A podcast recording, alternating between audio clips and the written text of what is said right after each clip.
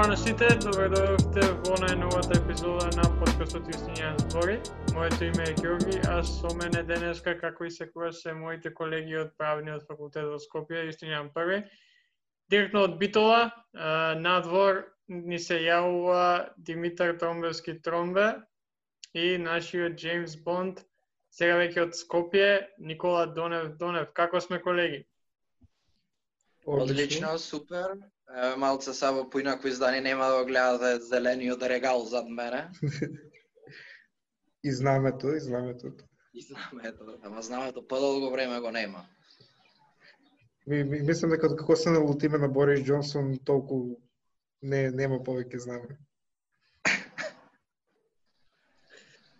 Да, како како иде Никола, ја знам, се ти спремаш испити, така? Да, септемвриска сесија е пред нас, така што се спремат испити, па ќе видиме како ќе биде. Тимот ти, што правиш по битола? Јас психички само се спремам за да почнам да пишам магистарска, а за по друго почнување има време. Супер, супер. Ја исто имам, тоест да, имам есеј треба да напишам овие денови, за последниот предмет што ми остана а, од претходната сесија, така што ќе биде интересно. А, не знам, немаме нешто многу сега да збориме. Имаме две супер интервјуа, така што не би должел ја. И само би ги поканил нашите слушатели да изгледаат епизодата. Гости во оваа епизода ни се Ана Попризова, психолог во гимназијата Орце Николов и Лука Павикик, веќе втор пат а, ни е гостин, средношколец и член на Сојузот на средношколци а, во Македонија. Со нив зборевме за најновите случувања околу а, средното и а, основно образование и поточно за почетокот на новата школска година. Какви се нивните видувања за тоа дали треба да се иде онлайн, дали треба да се започне а, во училници, а, каква е до сега работата на Министерството за образование и наука по оваа тема и ред други работи, така што, пак ќе кажам, не би долже многу ја, уживајте во интервјуата кои ги направивме со, а, со двајцата.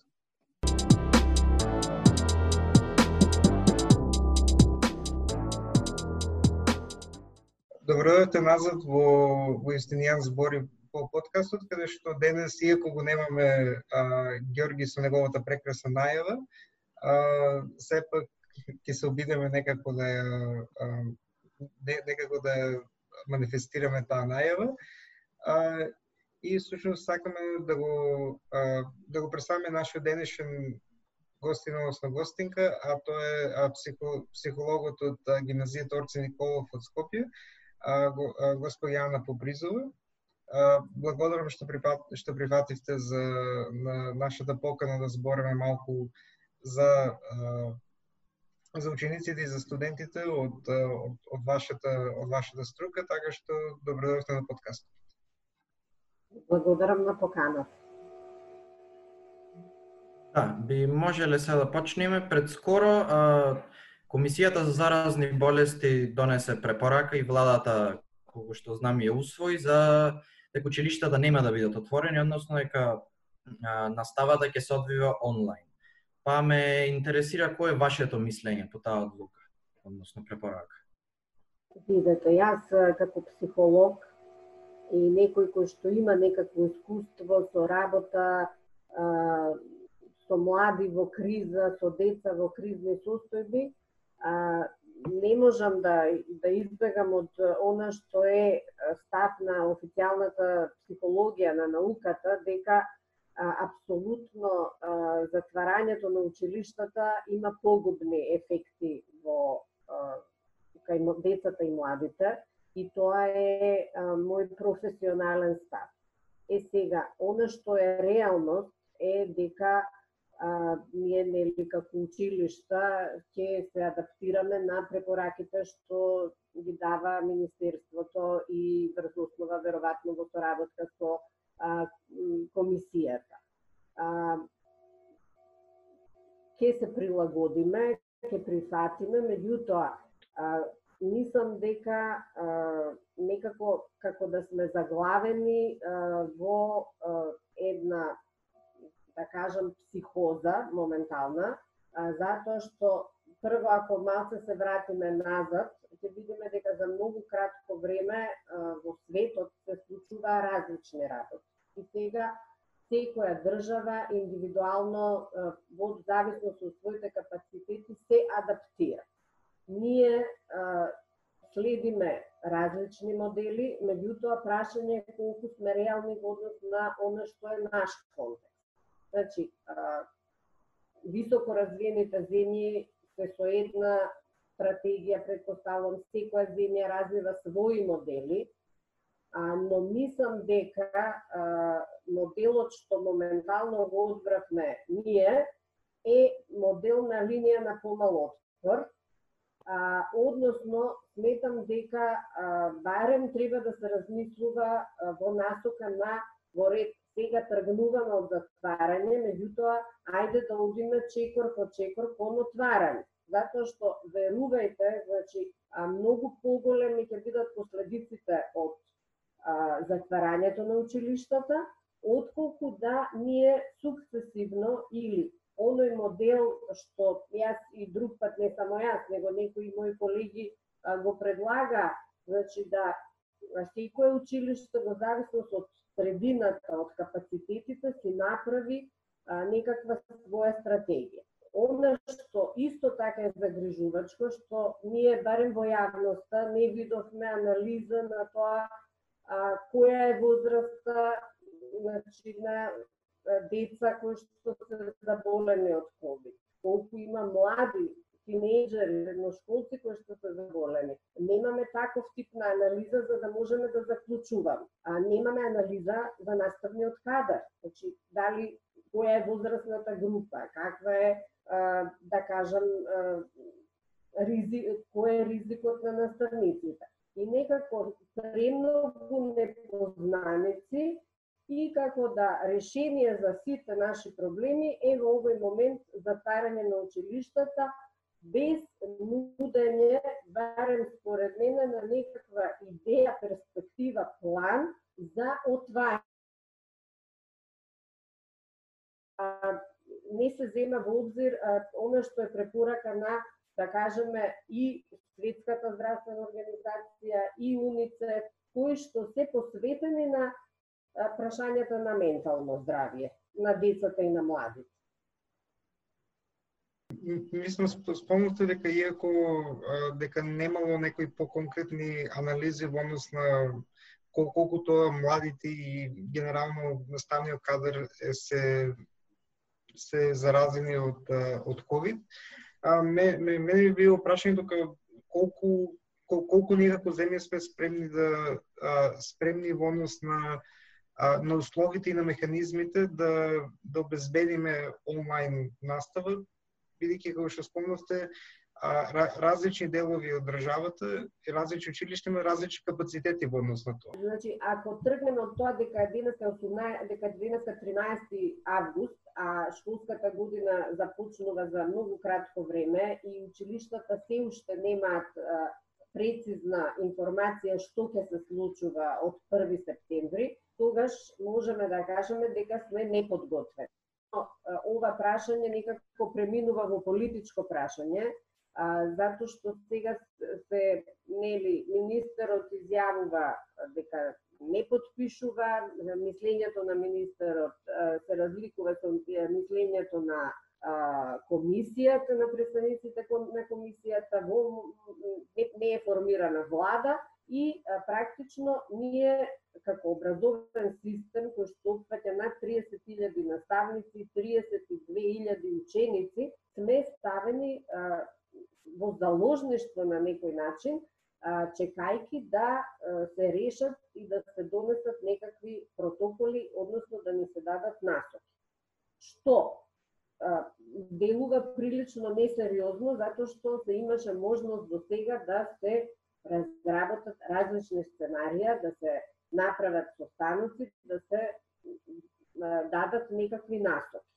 И а, што ќе се случува од септември, практично ние сега се уште предпоставуваме, а и ние како училишта сме масивни системи, че треба наставниците да се информираат, треба да се работи со нив, треба да се подготвиме, без разлика дали ќе се оди онлайн или со физичко присуство. Значи, оваа неизвестност не е добра за никого, истовремено расне анксиозноста кај родителите. Значи, имате многу родители, не знам, во, по социјалните мрежи, а, петиции се пишуваат, затоа што а, не се излезе со некаква насока, не се излезе во јавноста да се а, дадат насоки и на родителите. И тие се во неизвестност и секој со своите стравови ги активираат, а, ние баш ка што слободно можам да кажам живееме во држава каде што половина а, население негира постоење на вирус.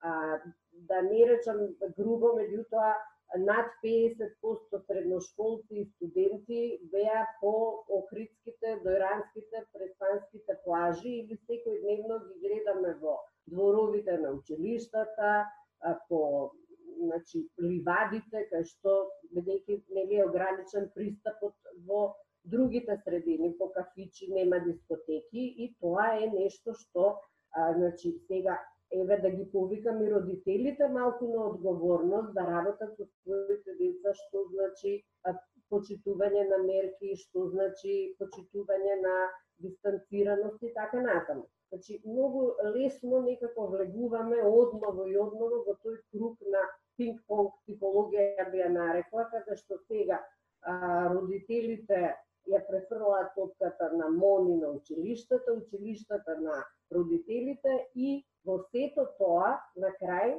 нели, сепак оваа одлука мислам дека ќе има посериозни последици отколку што сега ние можеме да ги воочиме или да ги објасниме да бидат прифатливи а родителите не знаеки што да прават со своите стравови и со својата анксиозност, сега а, тој страв а, го проектираат на училиштата и на наставниците и се сведе тоа во една хајка дека нели ако во училиште се тргне, тоа трајно ќе ги уништи децата, ќе ги заболи и така натаму. Значи ние исто не направивме анализа а, колку се во нашите семејства вклучени бабите и дедовците, кои што се поризична група, колку тие деца ќе бидат изложени, па после тој вирус може да се пренеси и така натаму. Значи, а, мислам дека се оди на адхок решенија колку да еве нешто се каже да оваа неизвестност се реши. Да, гледајќи на социјалните медиуми и со некои родители што имам разговора, како еден од аргументите а, против онлайн настава го споменуваат немањето на социализација меѓу а, студентите како еден од суштествените елементи на самиот на образовен систем. Па ме интересира, и вие ги начинавте то, кои би биле импликациите врз учениците за неодењето на училиште? Видете, од најмала возраст импликациите се страшни. Јас ако погледнеме деца мали, кои што две, две и пол години, три годишна возраст. Тие природно имаат потреба да се доближат до другите деца, да исконтактираат. И сега што се случува? Сите родители на таа потреба природна на децата, значи тоа е нешто со што се раѓаме, почнуваат, секој се укочува, си ги повлекуваат децата, немој да се дружиш и така натаму. Е, се замислете тоа дете како утре ќе изгради слика за себе, значи дека не треба да се доближи, дека ако другите ги тргаат од него, дека нешто не е со него во ред, значи почнувајќи од базични, од најмала возраст од градење на сликата за себе. Тоа, каква е мојата слика за мене, влијае како јас се позиционирам понатаму во обштеството, во социјалните групи. Што се случува сега прво оделение? Прво оделение, вие сите сте биле превачења, значи контактот со наставничката, контактот со соученици, а, училиштето како една средина на личен раст и развој. Значи, сето тоа ние го тргаме и го ускратуваме, да не зборам за стресот кој што ќе го имаат тие првачиња, ја гледа учителката само преку камера. Еве сега имаат идеја нели да до трето оделение има физичко присуство, ама се е тоа ради овие причини, затоа што социализацијата е неизоставен дел од нашето а, здравје, психофизичко, значи здравјето како една целина. Емоционалните проблеми сигурно ќе го проследат ова, Значи, а, ние зошто средношколците имаат потреба, зошто тинеџерите да бидат во група? Затоа што а, та, во, а, учеството во група кај нив предизвикува лачење на хормони кои што ги доживуваат како гратификација, како награда, како задоволство. И, значи, тоа почнуваме од биолошката страна. После се социјалните вештини Значи, како ќе ги усвоиме социјалните вештини, ако сум цело време згрчен, од маска, како можам да прочитам каква е емоцијата на другиот, за да бидам емпатичен, ако му ги гледам само очите и покриено лицето. Значи, тие се некои, како да ви кажам, суштински, базични концепти кои што нас не градат како личност. Понатаму, осаменоста, децата кои што се па на помала возраст немаат ни можност да се вклучат толку на социјални мрежи. Осаменоста доведува до досад. Да, досадата не води до различни облици понатаму на ризично однесување и алкохолизам, и наркоманија и така натаму, затоа што преголема изолацијата, преголема е се намалува недостатокот од дразби, и психички, и социјални, и ние значи, посегаме по различни средства за стимулација, да кажем. Мотивот за постигнување. Значи, ние со ваков избор како држава и така сме назад, значи, ние сами сега на некој начин а, оној момент што би бил дека одиме напред преку образовниот систем, дека нашите деца се образуваат, градат вештини, ставови, знаења, ние тој дел и како го затвараме и уште повеќе се пикаме на, да кажам, во задните редови на, да, на Европа. Значи, сами сега бираме да го направиме тоа. Јас сум реална, прифатам реалноста, сваќам нели каква е состојбата, меѓутоа ајде, ако септември биде оф онлайн, тогаш ајде да работиме на тоа да во октомври почне барем во оние општини каде што нема многу ученици, каде што нема многу зараза, да се почне во живо, да се види секој училиште има своја специфика и по број на ученици, и по локација, и по технички услови, и по наставен кадар. Значи, да направиме некакви мали акцијски планови за секој училиште, за секоја општина.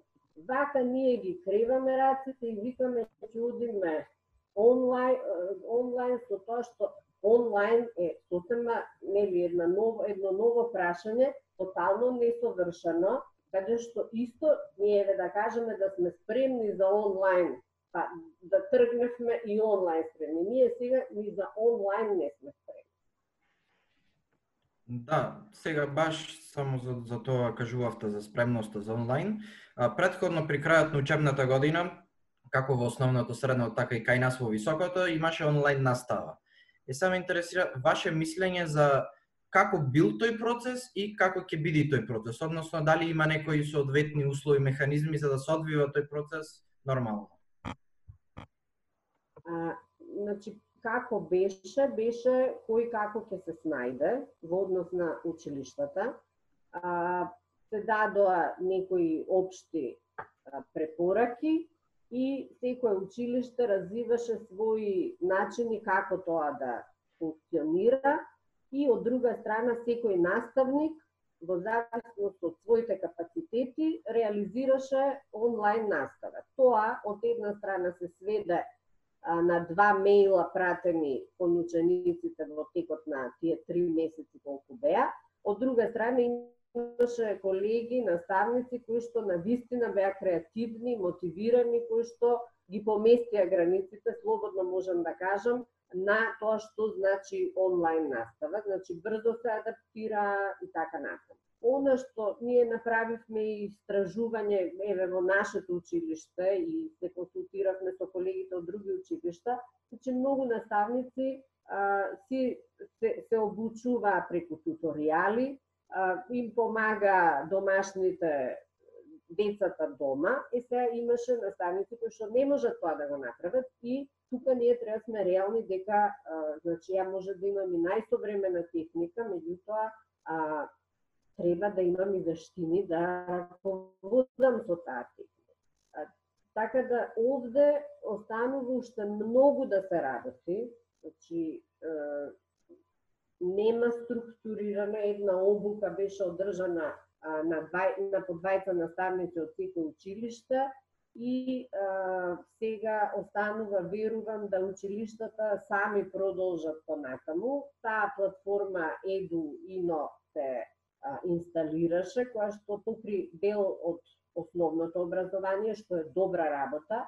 И сега она што знам дека се работи е дека Бирото за развојно образование работи во соработка со некои организации на а, снимање на часови, значи ќе се направи електронска библиотека на часови по сите предмети, барем за овие први два месеци, што е добра иницијатива и мислам дека тоа секако треба да продолжи затоа што тие часови во секој случај ќе бидат од корист и за наставниците и за учениците, независно дали ќе биде онлайн или офлайн, а и самите наставници ќе ги развијат на овој начин своите вештини, што ќе остане како трајна инвестиција, трајна вредност.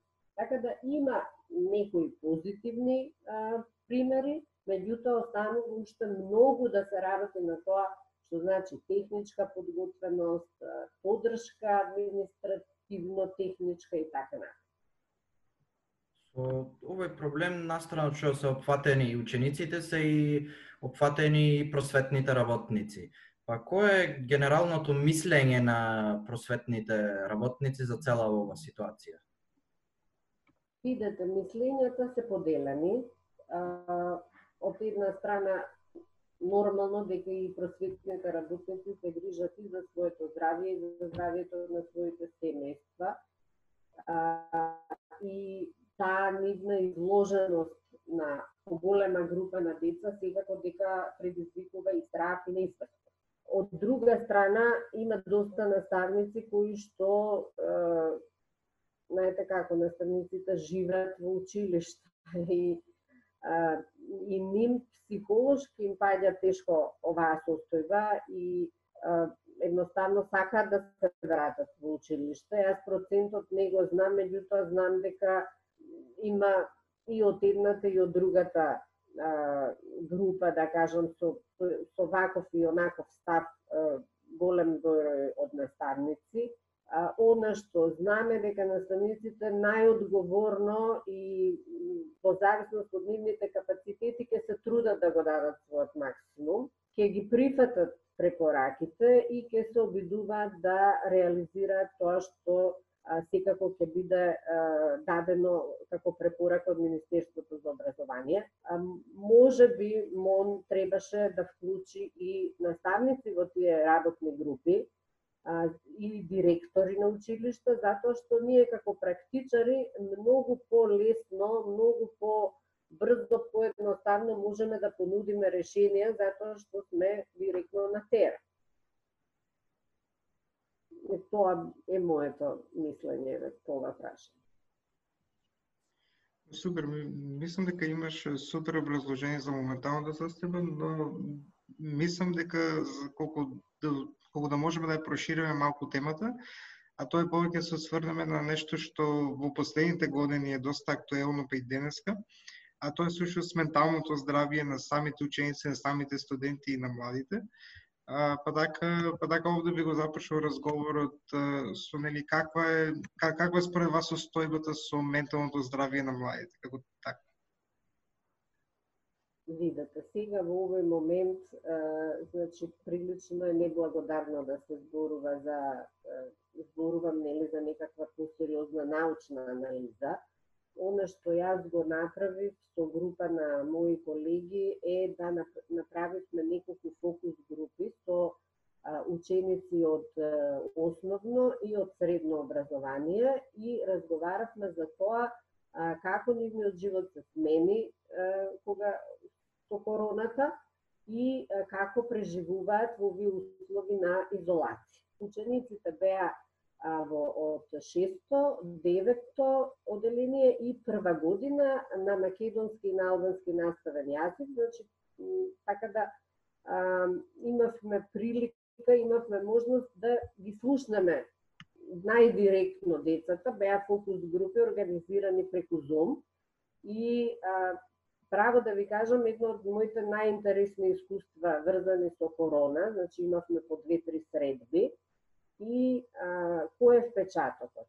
А, средношколците, а, првичниот страв од, а, од, од случувањата го надмина со адаптација и со сепак поголема присутност на социјалните мрежи, Значи, зборуваа, споделуваа за тоа дека на почеток биле многу застрашени, дека им било многу страх, многу неизвестно и потоа а, со помош на врсниците најмногу преку реализирање на оние хобија нивни, се беа повеќе адаптирани. А, девето оделение исто така, да кажам, а, токму заради тоа што повеќе појасно можат да артикулираат што им треба, имаат мобилни телефони, можат да се вклучат. Значи, беа во некоја, да кажам, подобра состојба. Оно што најзагрежувачки ние го забележавме беа децата од шесто оделение, а затоа што тие се уште не можат јасно да артикулираат која има потребата, дека им фалат другарите, не знаат како да побараат, се уште немаат многу мобилни телефони, не можат да се поврзат и, им фалат другарите, а не можат да ги побараат. Не знаат како и не знаат како на родителите тоа да им го кажат, и кај нив стравовите поврзани со болест, со смрт, собствена или на нивните родители беа најизразни. Значи тоа е сега ако зборуваме за една слика поврзана со а, корона.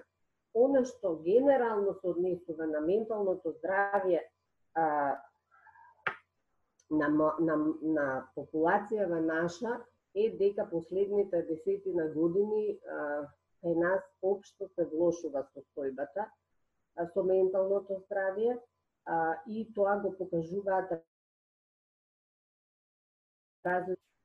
Ова значи дека генерално квалитетот на животот опаѓа а, и дека а, добро состојбата на нашите деца и млади е се, се за, има тренд на или стагнира или се влошува состојба. Ова се огледа и во ставовите нивни поврзани, значи кога зборуваат за нивните ментални проблеми, депресивноста, анксиозноста и се навистина загрижувачки резултати. Може би во, во таа во таа насока дали да, да дали се уште оно обстојува оно може би табу темата за за одење на терапија во однос на психолошка подршка или на психијатар. Мо, може би во тој дел она промена во во, во нашиот однос како општество како индивидуи кон менталното здравје и оно што значи ментално здравје.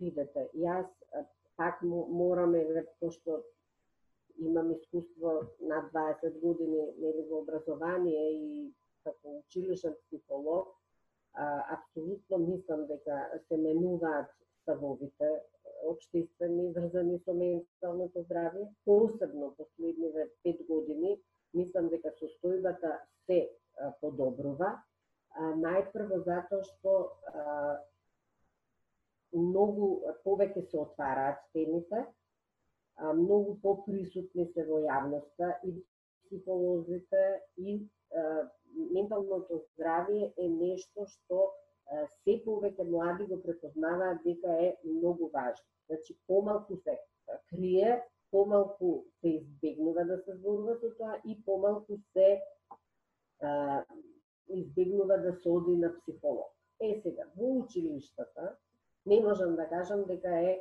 толку добра состојбата, затоа што се уште едно истражување имаше сега пред некое време се промовираше, значи вика околу 50% млади средношколци а, не би пријавиле проблем на насилство на школска психолог.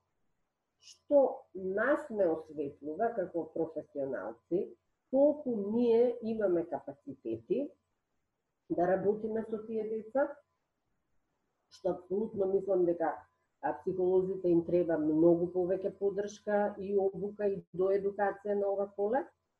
И второ е онаа перцепција и помеѓу наставниците и помеѓу родителите за која е улогата на училишните психолози, затоа што најчесто, а и многу, ја искрено ќе кажам, колеги сме, и јас сум психолог, многу од нас се влезани во улога на школски бабароги, кои што се тука само да казнуваат, проведуваат мерки, администрираат, а, водат документација, статистики и така натаму.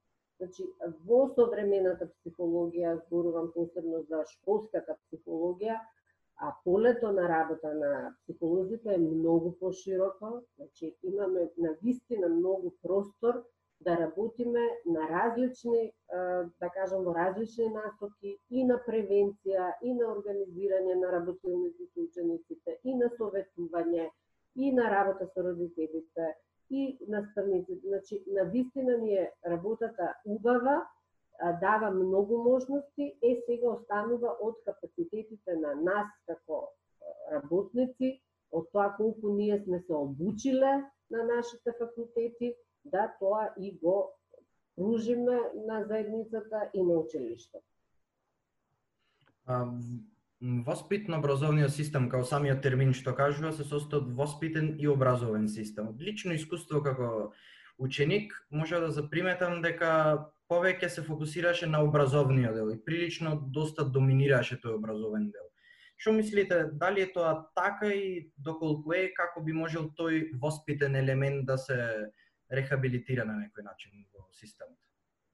Да, убаво кажавте, баш му е потребна рехабилитација, затоа што јас а, мислам дека последните 15 години а, нашиот образовен систем беше премногу фокусиран на а, обезбедување на а, структура, значи а, методологијата да се применува, програмите да се реализираат, да се помине материјалот. Наставниците имаат се уште се пре натрупани наставните програми и наставниците се под постојан притисок дека мора да реализираат наставата и се под постојан притисок дека а, мора да ја предадат лекцијата. И ако цело време а, башка системот беше премногу рестриктивен, значи постојано имаше инспекции, постојано имаше казни се донесуваа во глоби ако не се реализира и така натаму и тоа направи една клима да наставниците го занемарат воспитниот дел и да премногу се фокусираат на наставните содржини и на нивната реализација. А, што резултира со а, генерален, значи, а, сега веќе и проблем. Младите наставници, мислам, не можам да генерализирам, меѓутоа, многу малку наставниците веќе веруваат во нивната а, а, можност да воспитно влијат врз Сега, тоа ако зборуваме пошироко, значи обштествениот контекст го придонесе, затоа што наставниците последните 15 години беа шиканирани, омаловажувани, а, значи деградирани на сит, по сите основи, и морално, и материјално, и тоа, значи, во генералниот пат на вредности, обштествени и генералната промена на вредности, доведе до тоа да наставниците не веруваат самите дека можат да бидат модели и да воспитуваат. И тоа е нешто што дефинитивно мора да се менува, затоа што современата а, психологија и педагогија се повеќе зборува за воспитување на карактер во училиштата, за развивање на меки социјални вештини. А, значи, сосема се менуваат образовните парадигми во современите образовни системи, додека ние се уште се бавиме со дали се реализирала наставната програма или не. Значи, треба на факултетите кои што работат на подготовка на наставниците да работат по насока на тоа која е работата на наставниците. Пола наставници немаат идеја дека нивната работа е воспитна. Пола мислат дека е битно да ги предадат лекциите, дека они предаваат физика или хемија и дека воопшто не треба да се бават со а, проблемите, мислам, со здравјето на учениците. Значи, ние тотално, а, а англичаните зборуваат, имаат цели школи за образование на карактер. Или имаат mindfulness се воведува во училиштата или се воведува медитација во американските училишта. Значи, тотално ние мислам дека е, вредност на нашиот образовен систем треба да а, дефинира столбови што му се битни, за да можеме да излеземе во некаква насока, да фатиме а, некаков, да кажам, а, некаква линија со современото образование. За, за мајки го може би се тоа во контекст а, на нели општествениот однос кон кон ментално здравје кон образовниот систем дали дали нашиот образовен систем е е способен да да нели во наводници испорача зрели граѓани за едно демократско општество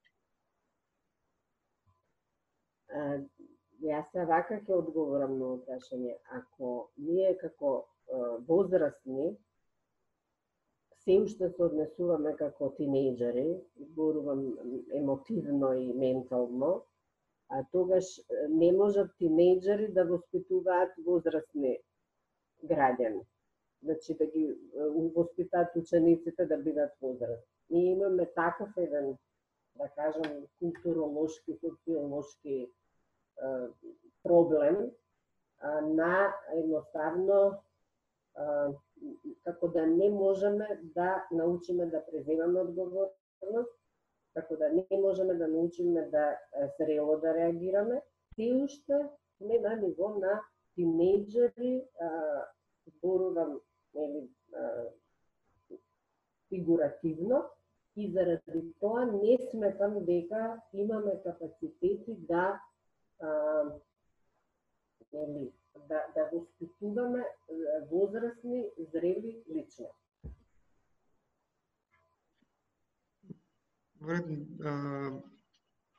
Ви, ви, ви благодарам многу на, на разговорот. Обично, обично со другите гости, секогаш кога ги завршуваме овие интервјуа.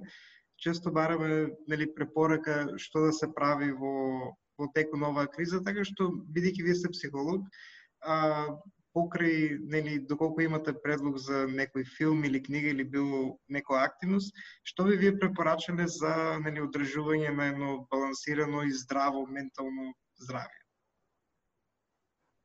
А, јас мислам дека во овој момент а, оно што е најважно за нашето ментално здравје е дефинирање на прецизна структура на денот, значи да знаеме што правиме, а, затоа што премногу недефинирани активности во денот не прават мритави, не прават незадоволни, а и не држат, не генерираат неизвестност, не го негуваат чувството дека немаме контрол. А сега е прашање, еве овие застрашувања врзани со нашето здравје и живот, а, некако како да контролата ја немаме. И заради тоа е многу битно да имаме прецизен сет на активности што ќе правиме. Второ, а, мислам дека најлекувачка, бидејќи доста се изнагледавме и филмови, и серии, и онлайн, и телефони, најнегувачка во овој период за мене е а, природата и престојување во природа. Значи, правите што ќе правите, обавезно одвојте период од денот помеѓу два зум состаноци да свртите еден круг во двор или околу зграда и обавезно еден ден од викендот поминете го по неколку сати во природа. Нема подобар лек од тоа. Мислам дека ова е одлична нота да, да, да го завршиме разговорот. А, ви благодарам уште еднаш што присуствувавте на, на подкастот.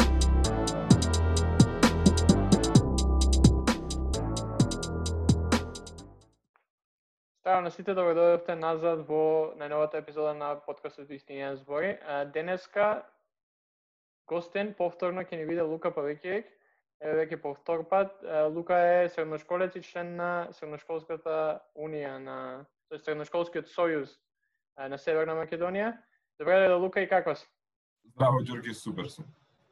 Да. Оваа епизода решивме да ја посветиме на образованието во државата, поточно тоа кое се однесува на средно, па и основно. И затоа сакавме со тебе да позборуваме и да од... зборевме пред да почне да почне со снимање доста е конфузно. Ние еве кои не сме веќе дел од тој образовен процес, туку сме на некое повисоко ниво на на факултет. Малце е потешко да се следи, а, а доста е важно за државата. Па еве, сега снимаме петок 17, 19 и 12 часот. Ова епизода ќе излезе во недела, може 300 работи да се десат, ама as of right now. Може да ни објасниш што се случува? Да, да, дефинитивно ситуацијата е многу конфузна. Цело време медиумите и порталите излегуваат со различни наслови, со различни предлози, различни модели, но ситуацијата е конфузна поради повеќе причини, им поради неспособноста на Министерството за образование и наука, но и поради самата комплицираност на целиот овој материјал и тежината на одлуката што треба да се донесе. Денеска, 17 тоест 14 март, 14 август на неколку недели пред почетокот на школската година, МОН после многу време излезе со некој свој дефинитивен предлог и именно заменичката министерка за образование и наука Елизабета Наумовска во интервју за Мета ги даде следниве предлози. Часот во основно образование се скрати од 40 на 30 и во средно од 45 на 35 минути. Децата од прво до трето оделение додат на додат во училиште физички, додека останатите деца да следат наставата онлайн. А, доколку во различни средини во Северна Македонија се создаваат услови за физичка настава или пак немаат услови за онлайн настава, тогаш учениците од тие средини да ја посетуваат наставата физички, а, нема да има топол оброк во училиштата, туку учениците тој облак ќе го носат од дома, или пак тој што го обезбедува оброкот од државата, ќе им го дава спакувано. МОН исто така предлага да се одржи и големиот одмор. Доколку се случи пак да има онлайн настава, нема да се користи унифицирана платформа за истата, а наставниците ќе одат на работа физички во училиштата и од учениците ќе предаваат онлайн на своите ученици. Исто така, се предлага учебната година да започне на 15 септември, а да заврши на 20 јуни. И најважно од се за да се скрати училишниот час и да се одреди новиот почеток и крај на школската година, треба да има промена на законот за основно и законот за средно образование. И ова говори за тоа дека на вистина Монја избегна својата шанса, бидејќи они имаа веќе од мато кога да се затворија училиштата време да размислуваат што по првиот бран на пандемијата, што ќе се случи, дали ќе се продолжи онлайн наставата, има доволно време да работат, да ја подат онлайн наставата, има доволно време да направат план за физичка или комбинирана настава, но и те, оние тоа не го направија. Дополнително изборите и формирањето на влада го отежни од оговлече целиот овој процес и за да може овој предлог на МОН да биде усвоен, ќе треба да први собранието да стане функционално и да може да донесе измени на законите за основно и за средно образование. Да, ова е предлогот на МОН. Сега, ако сакаш на кратко ќе кажам за Сојузот на средношколци и за што ние работиме, бидејќи мислам дека е многу важно за ситуацијата, значи Сојузот на средношколци е единствено представничко тело на средношколците во нашата земја работиме во сите 8 плански региони, во 17 градови, го представуваме гласот на средношколците и главна, главни активности ни се напредување на нивните права и реформа во образ, за образовниот систем во Северна Македонија, тоа да стане поквалитетен и да ги следи европските рамки. Најважно од се за конкретнава ситуација, ние веќе од јуни работиме на нашата идеја за како може да се продолжи образовниот процес и според нашите планови и истражувања решивме да се залагаме за комбиниран пристап у наставата. И тука сите светски експерти и валидни организации зборуваат за три главни модели. Физички модел, односно ајде ќе го наречам нормален, како и предходно. Сите ученици да се доаѓаат физички на настава. Вториот модел е онлайн наставата, што ја доживеавме од март до јуни, а третиот модел пак е комбинираниот пристап, односно blended learning, каде што дел од учениците се ја следат наставата физички во училишта, дел од учениците ја следат наставата онлайн. Добро, а, околу ова баш сакам да позборуваме, пошто кога кажувате комбиниран, што поточно тоа значи? комбинираниот пристап на наставата сушност ке представ според нас е најдоброто решение за образовниот систем во Северна Македонија поради три клучни причини. Пред мора да го заштитиме здравјето на средношколците и на наставниците, да не дојат они во е, опасна ситуација поради коронавирусот. А, втора работа да го задржиме квалитетот на нашите образовни институции, кои онака во нормални времења беше мал, а да не зборуваме сега, тој квалитет каков таков мора да го задржиме и третото да не предизвикаме некои пошироки по а, по по погубни импликации врз поширокото општество. Комбинираниот пристап на настава всушност ќе подразбира. Во македонските училишта повеќето од нив веќе функционираат по систем на смени. Имаме прва смена и втора смена. Се извинувам, предпладневна и попладневна, значи прва и четврта година да кажем одат прва смена, втора и трета одат втора смена. Тоа веќе училиштето го дели 50-50. Комбинираниот пристап ќе ги земе тие поголеми паралелки од по 20 од по 30 ученици и ќе ги подели на пола. Половина од нив ќе следат настава физички, другата половина ќе следат онлайн. Или може да се менуваат на дневна основа, пошто се менуваат во Србија, или во некои приватни институции, или може да се менуваат на неделна основа. Една недела да оди една група, друга недела да оди друга група. И со овој комбиниран метод, во било кое време во училиштето би имало само 25% од учениците. Не би имало ништо повеќе и тоа ќе обезбеди сигурност за учениците од тој аспект. Исто така да не забораваме дека дема наталитетот опаѓа, имаме помал, имаме се помал и помал број на ученици во на училиштата во Северна Македонија. На пример се сеќавам, кај мајка ми во паралелка биле 45 ученици. И толку мала учена ти комбиниран метод не можеш да оствариш. Но имаме училишта во Македонија што има паралелки по 20, по 25, по 16 ученици, подели ги на пола, 8, 10, 12 деца, реално може да следат настава преку а, и физички и онлайн. А, исто така, нашиот став не е изолиран, напротив, за комбинирана настава се залага ЮНИЦЕФ и на глобално ниво и на нивото во Северна Македонија, така што и најголемите експерти и Фондот на Обединети нации за децата се залага за овој пристап кон образованието.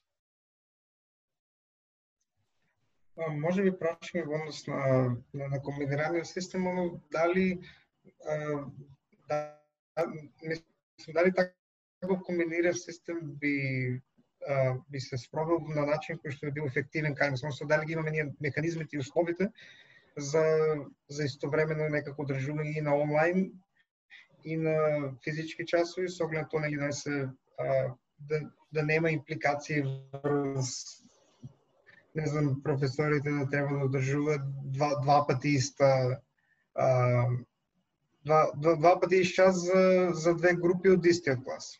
Да, да. А, всушност, комбинираниот пристап него подразбира тоа да кажеме наставникот во 8 саат да отиде на работа да одржи час по историја и после да дојде дома во 4 и пак за онлайн групата да држи час.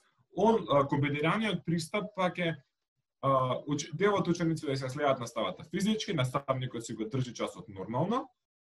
Ако училиштето има интернет услови, преку компјутер, се останатите ученици онлайн поврзани, во живо, во истото време, ја следат наставата од своите домови. Директно. Доколку нема интернет услови, тогаш наставникот може да даде проектна задача, може да даде план за час, може да даде некој поголем асесмент, нели некоја поголема работа за учениците што следат работата онлайн и тие таа работа да си ја довршат. Буквално лекциите што он планира да ги покрие со својата група физички, да може да ја покријат и децата онлайн, независно од тоа. Така да не, наставниците не би предавале дупло под комбинираниот пристап. Да, а, ја би ја би предложил да би те прашал, бидејќи сега баш додека збореше, видов имате излезено со вашиот план и ти спомна као ќе работите на вашиот план и вашата вашето мислење како треба да се продолжи образованието во време на светска пандемија пред се започнале со тоа во јуни пред една недела на еве сега да видам 4 август излеговте во во јавноста со со целиот тој план. Каков е досега односот на Министерството за образование спрема а, вашиот план и воопшто како тие се несуваат во текот на целото лето имајќи во предвид дека еве сега сме 14 кога ќе слушате слушателите ова ќе биде и 16 а уште ништо не е потенцирано. Треба училишната година започнува на 1 септември, тоест треба да започне на 1 септември. Да, се, да, да, да, околу тоа би предложил малце хронолошки да ја погледнеме целата работа, да видиме што се се случуваше. Оваа недела, барем за тој што ги следи образовните работи, беше доста бурна, драматична, интересна.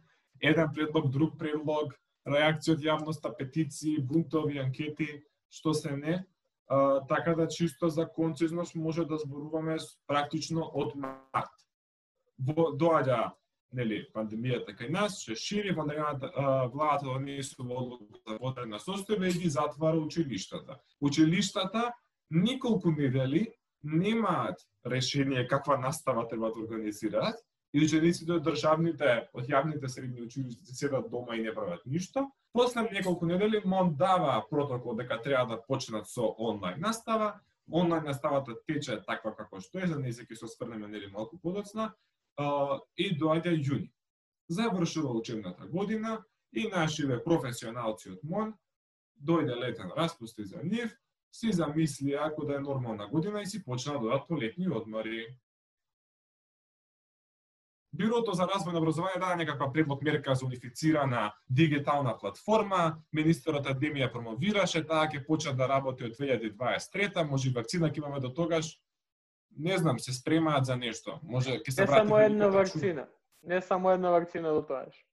Не, не. Да, да. Па добро се може е бола, зика, нешто ќе се врати и кај нас ќе дојде. Спремни се луѓето. Битно во 2023 ќе имаме таа дигитална платформа, Значи, мон таков пристап си замина дојдоа изборите, си почна изборната кампања, па нели тие луѓе треба да одат по митинзи, да носат значки, да гласаат, завршија изборите, отидоа отиде на пратеник на одмор до Илинден малку накан да се релаксира и така. Мон веќе еве дојде август, е свестија дека треба да се враќаат учениците у школа и веќе две недели си играат играчки со јавноста, менуваат ставови, требаше баш се спремав за ова гостување, чисто мора, вие сте барем сериозен подкаст и треба да зборуваме со аргументи, да зборуваме за политики и за предлози, а да не зборуваме за смешни приказни како што имаме во Македонија, па така што цело време ја следам ситуацијата. Од понеделник ја чекам таа средба, па вика денеска мина со останаме, ќе се гледаме во вторник па вторник ја откажа за среда, па од среда ја откажа за четврток, па четврток ја откажа за петок. Така што ја конечно излегува со нешто, но шала на страна, најважната работа е тоа што МОН немаше апсолутно никаков план за отварање на училиштата. Направија нешто во последен момент уплашени, при тоа не следејќи рамката од УНИЦЕ. Ако сакате, можам таа да ја споделам да ја видат читателите тоа гледачите,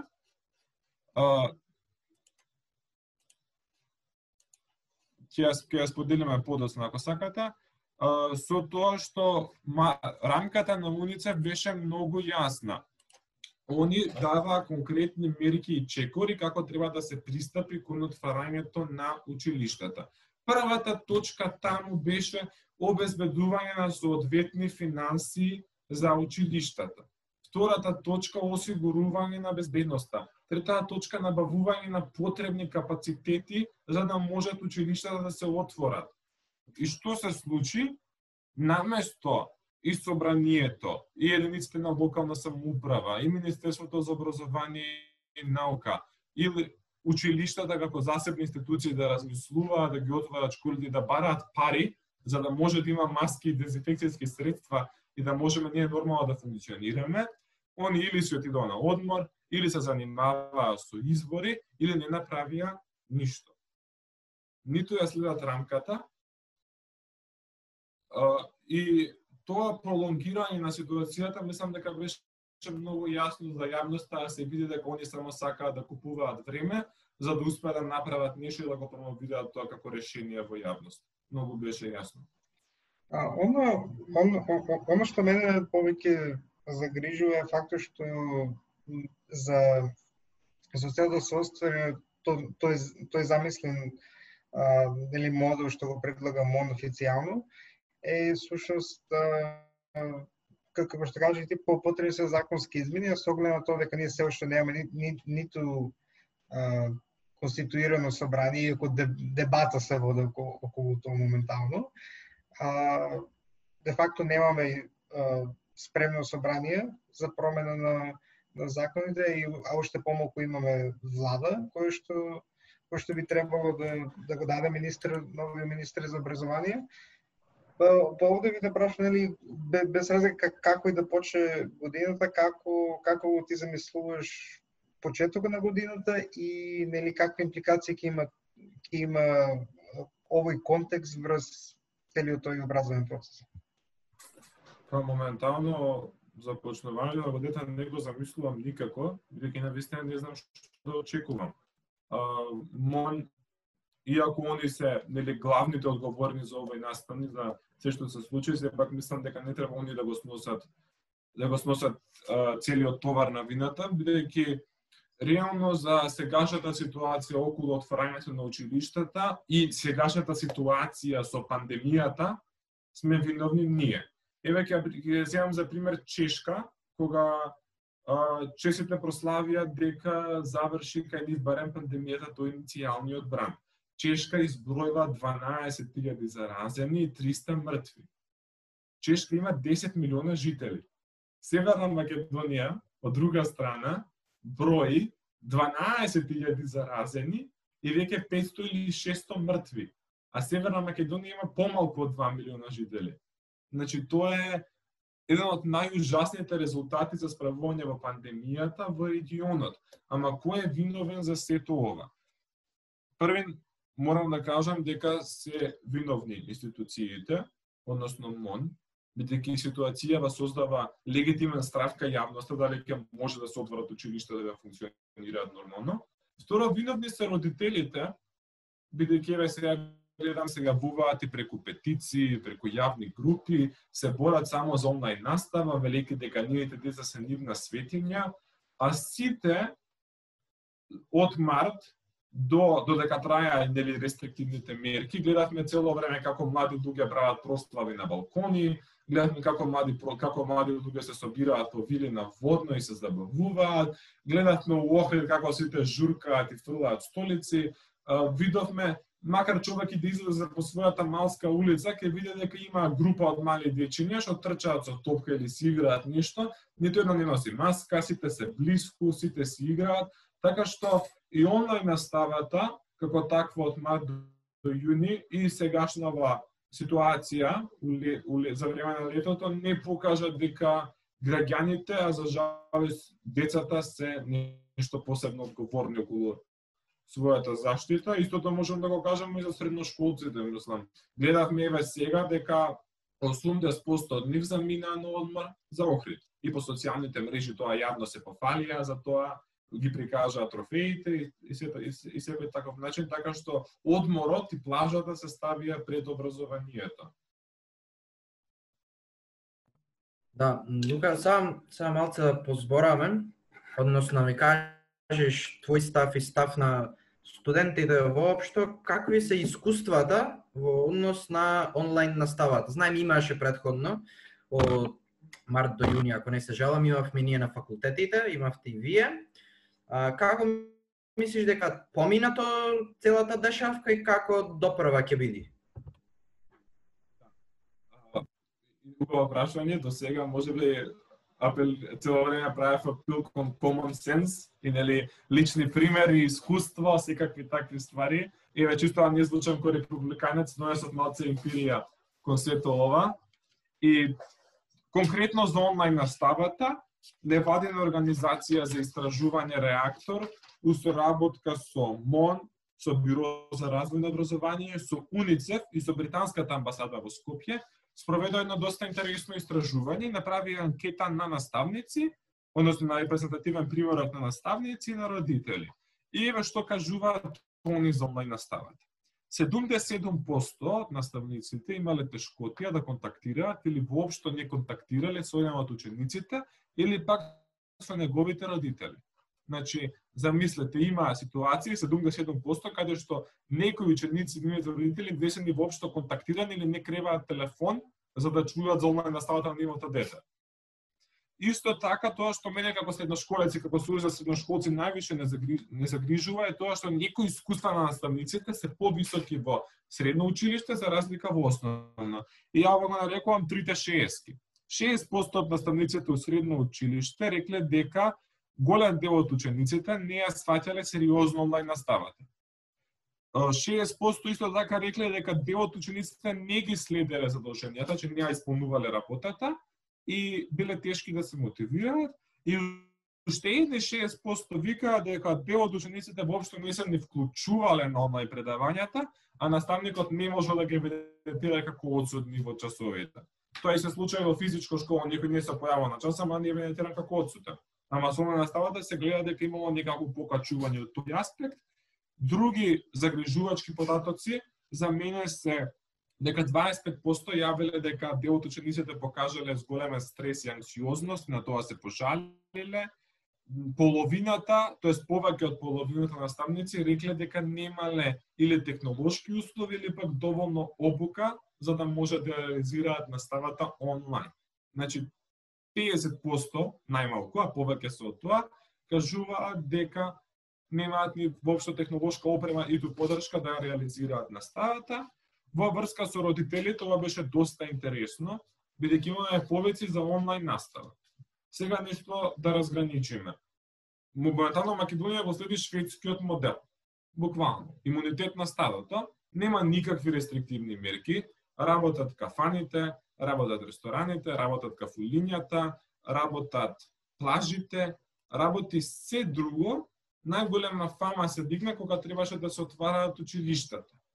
Да не забораваме дека ако се отворат училиштата, 60% од родителите рекле дека поради работни обврски не можеле да посетат доволно време на учењето на своето дете во периодот март-јуни. Значи 60% тоа е огромно мнозинство, три петини кажуваат дека не може да се посветат. Исто така, ова студија ги потврдува и нашите некои тези што ги направивме со наши истражувања, направивме фокус група од средношколци и ги прашавме што мислат од онлайн наставата.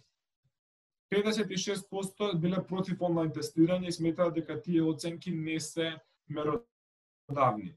84% бараат лесен пристап во услугите за менталното здравје, 60% повторно и петата шееска викаат дека нека не секој има доволен пристап до IT, до интернет, до опрема, а само 8% рекле дека онлайн наставата да е целосно ефикасна. 8% approval rating.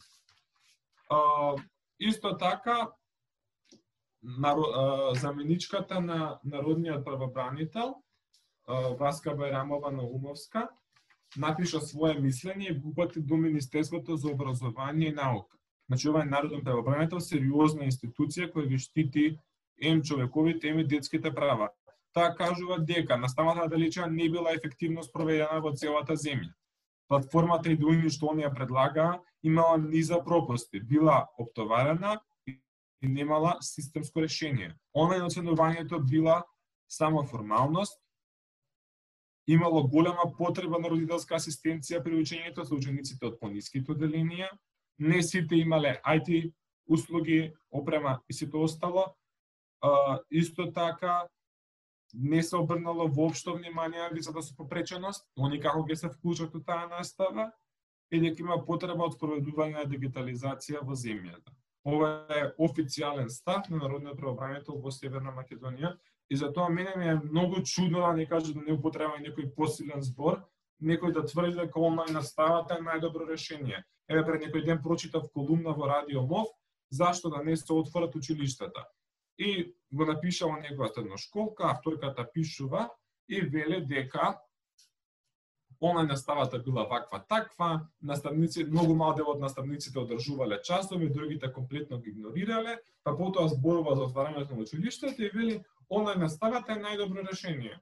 Не, не она наставата барем во повеќето училишта во Северна Македонија, да не кажем и во целата земја се покажа како ужасно. И, и сметам дека иста не треба да продолжи, освен во некоја голема ургентност. Да, со ова мислам дека се согласувам. Овие денови, е, спремајќи се за оваа епизода, а и од лични искуства, колку и тие малце да се мал дел од се во ова, сепак се важни. Као некој што иде надвор од Скопје, онлайн настава е супер, ама супер е у теорија.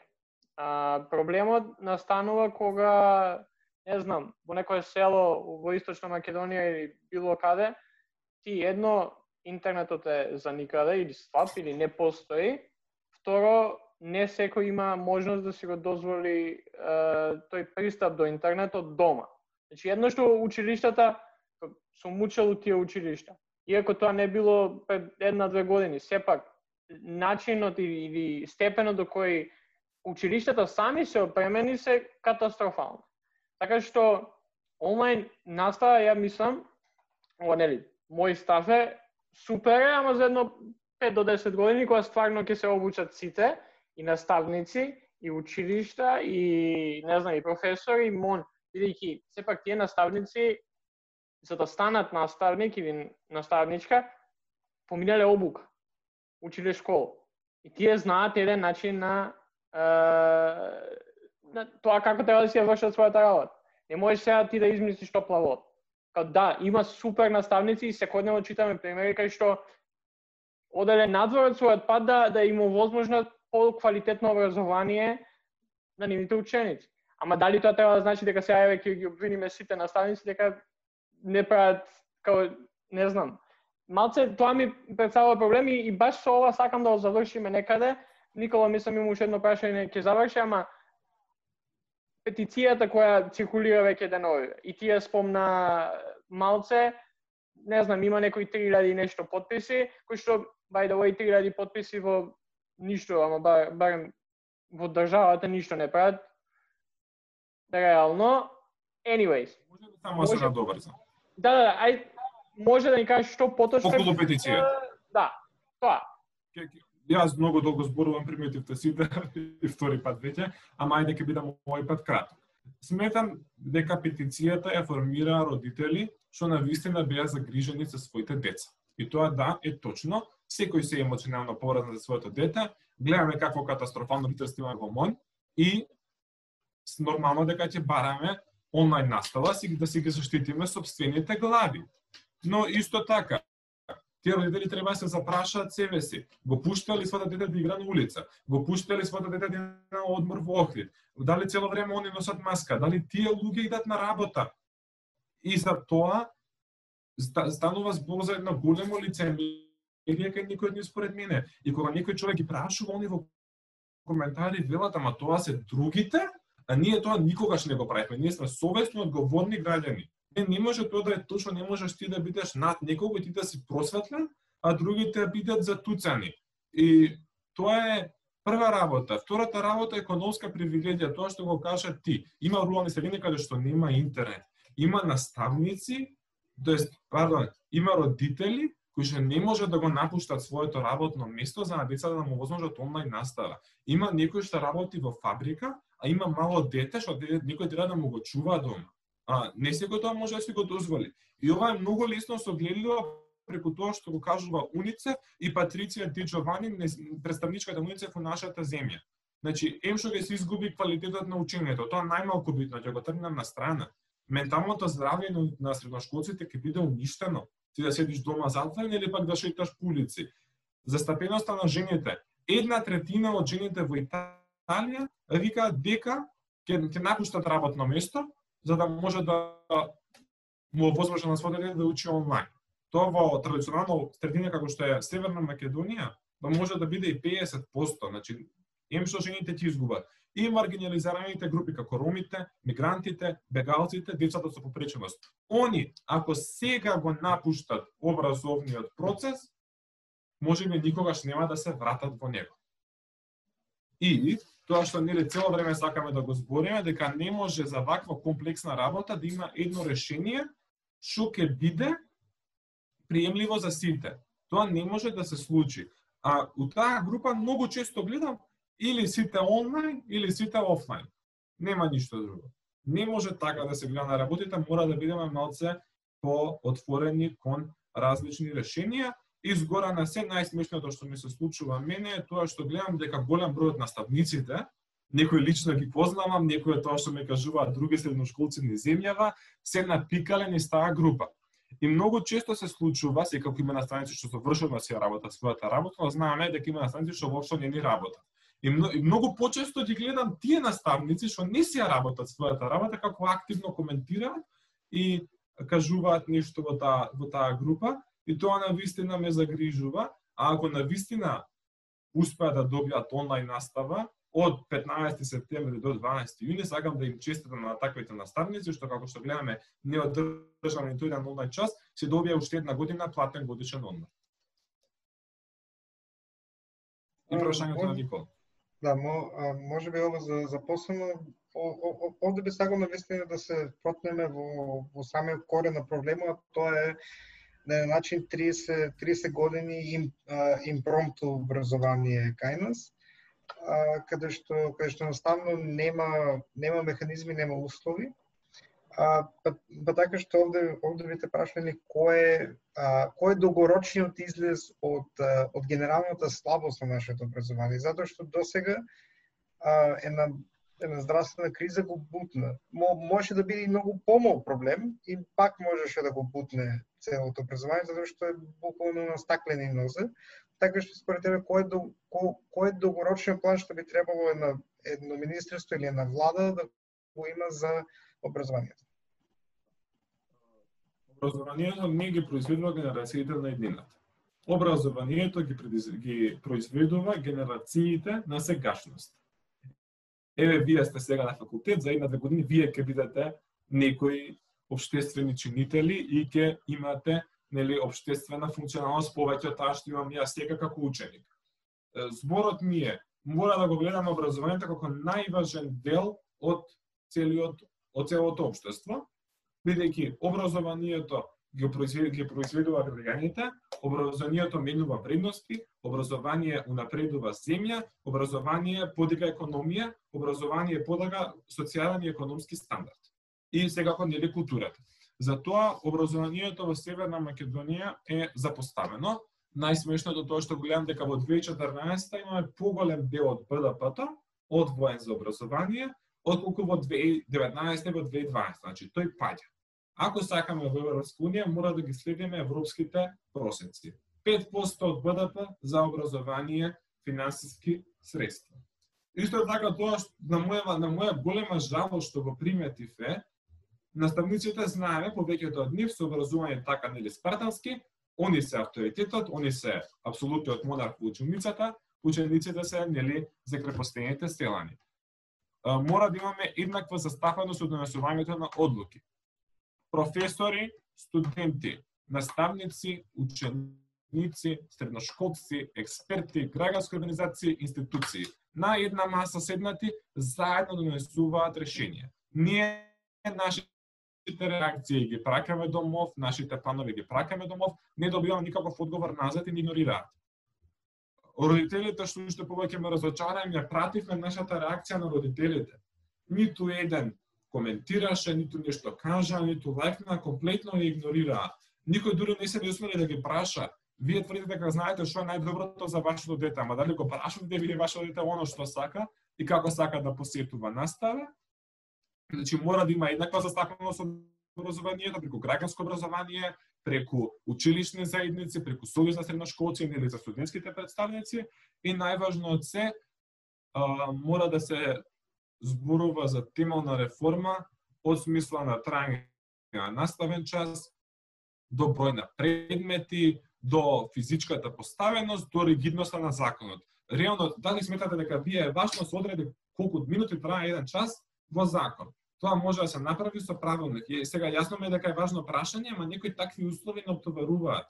Например, има училиште во Ѓорче Петров средно, што има неко, нека околу 50-60 ученици, а има огромна зграда. Зашто, например, Орце Николов или Никола Карев кои се преполни, својата настава не можат барем за време на ваква пандемија и криза да ја одржува наставата од тие училишни простори. Мора да биде образовниот систем пофлексибилен за секаква криза. И најчесто се споделува оној експеримент што го имаа германците. Нели Германија е федерална држава и секоја поединечна држава си одлучила како ќе го прави образованието. Една држава решила да ги пушти учениците, се заразил наставник и целото училиште е две во карантин. Тоа е нормална работа. Пара ќе го заштити здравјето на своите деца. И ако навистина зборуваме за некој таков модел, односно комбиниран, тој треба да биде доста флексибилен. А ако има пандемија, тоест ако има некој заразен во училницата, сите се одиме дома. Така се штити здравието. Затоа, у таа смисла, мора да станеме пофлексибилни во образование, а не да се плашиме од промени. А, тука се согласам и ако можам да се дозволам да завршам да завршам епизодата со со тоа дека ова прашање Еве, за образованието е исто како и другите прашања со кои се соочуваме, нема нијанси, луѓето не гледаат нијанси, детали за кои што треба да а, треба да се разговара, да се размисли, сите се или на едната или на другата страна и затоа мислам не не е ова и кај нас. На секаде е така, за било кое прашање нијансите не постојат, ќе биде или се или ништо и мислам дека тука е најголемиот проблем. После тоа за за целото инвестирање во самото образование, ама не и се се надеваме еве ние ќе следиме ситуацијава, ќе ќе збориме за тоа колку што знаеме, па пак ќе викнеме. Се надеваме дека се ќе помине во најдобар ред, иако не изгледа сега така. А, така што ја би би ја завршил епизодата тука. Фала ти уште еднаш за гостувањето и следен пат кога ќе ни гостуваш, ќе ни кажуваш за за твоето мислење на некои други работи или ти за председателските избори во САП фала ви на сите вас за оваа можност да го представам Сојузот на средношколци и и да, тоа е тоа. И ќе ме направите редовен изгледа. Епа, супер. За нашите слушатели, као и секојаш, последен поздрав со тоа да не идете у кладилници.